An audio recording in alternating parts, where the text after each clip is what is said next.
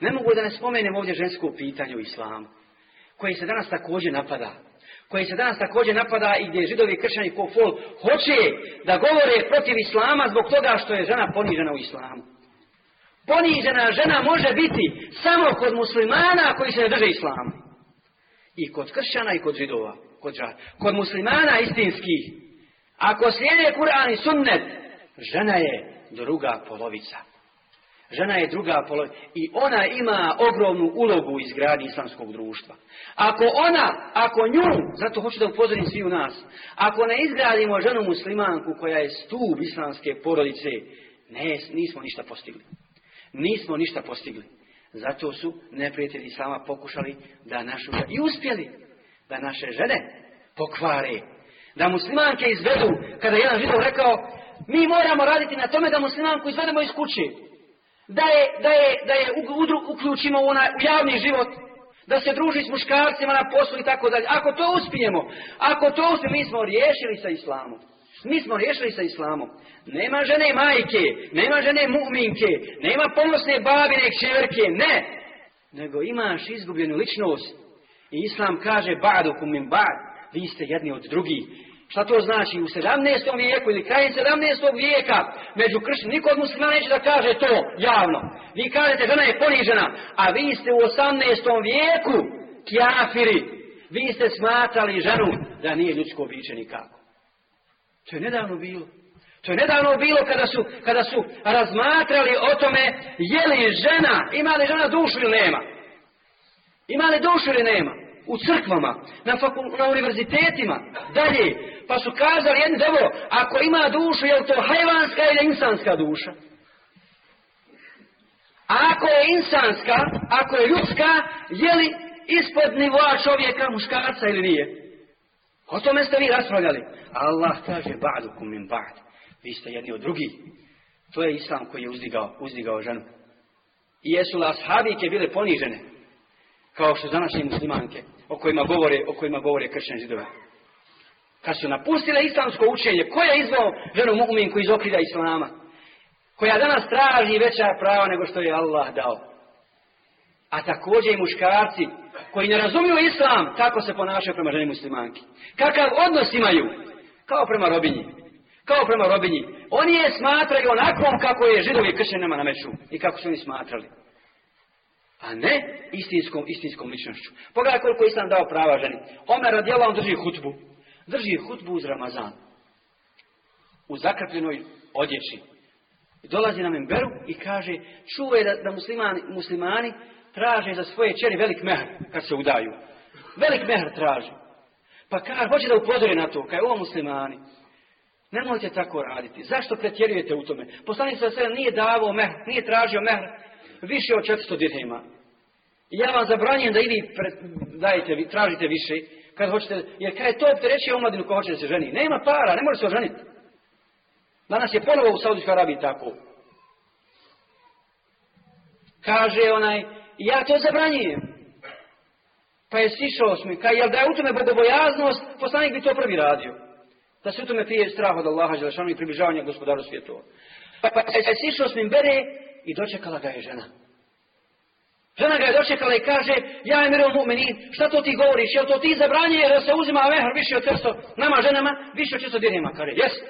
Kaže, a zar ne znaš, Omere, šta je rekao Allah? Kaže, šta? Pa kaže, va ida tejtu hunne, kintara. Kada date jednoj od njih blaga na kantare, na kantare i zlata, ne uzimajte im to. Ne uzimajte to od njih. Nije često dirhema, nego koliko im god date, ne uzimajte to od njih. Kaže, jest vallahi, kaže Omer.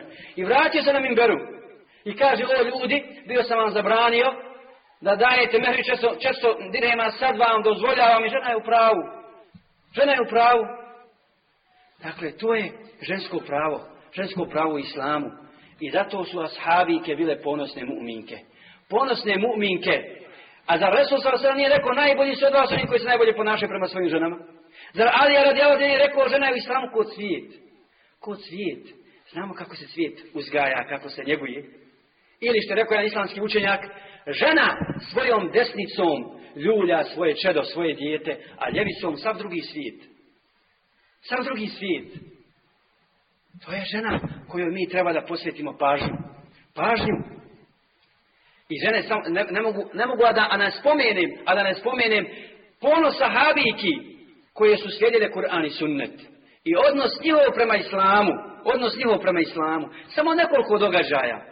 Da se pokazuje njihova čestitost, njihova bogobojaznost, njihova ustrajnost na putu istine i njihova želja za Allahom i zadovoljstvom za Allah, koliko su bile pouzdane muminke.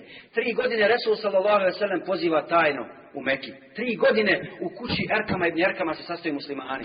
Većina njih su bili oženjeni, ili su možda svi bili oženjeni. Nikada mušici nisu saznali, saznali gdje se kriju, gdje se, gdje se sakupljaju ashabi.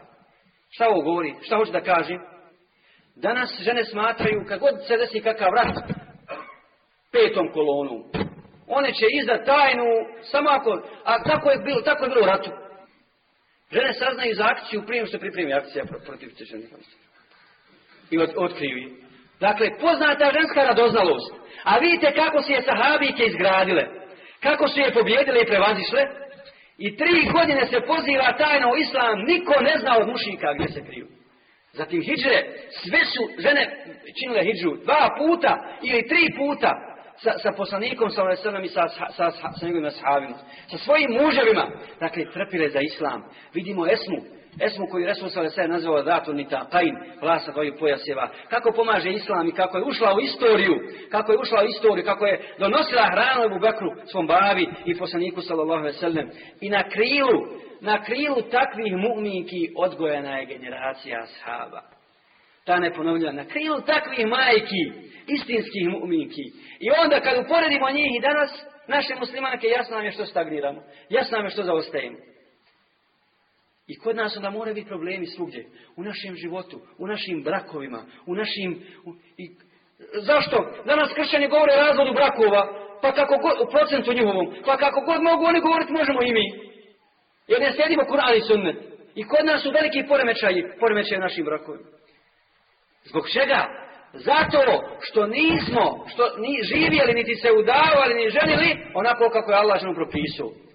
Kad neće biti problema? Pitaju mene mnogi kakav je odgovor tvoj kad se desi bračni problem.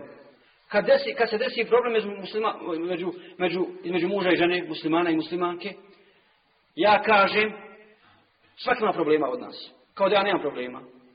Imam. Ali, jedino rješenje je to napiši prava na zid, kako je Allah Želešanuhu odredio njegov poslanice sebe, prava muža prema ženi, prava muža kod žene i dužnosti muža kod žene. Prava žene, prava žene kod muža i njene dužnosti. I gledaj. Pa ko od nas pogriješi, vallahi, šarijatska je kazna. Moramo se tome povinovati. I vidjet će da je stvar u redu. Ako brak tada ne bude u redu, onda krivte mene. Ili krivte sami sebe. Znači da smo skrenuli s tog puta. Kad god se skrene s tog puta, bit će, problem. A mnjalo svakako nije idealan život. Uvijek, uvijek, ima, uvijek ima problema. Dakle, to su primjeri istinskih mu'minki, koje su i mu'mina koji su radili i živjeli za islam i Allah Đelešanu je ovjekovječio njihov život i njihov trud i njihov rad i spominju se po dobru i spominjat će se do sudnjega, do sudnjega dana.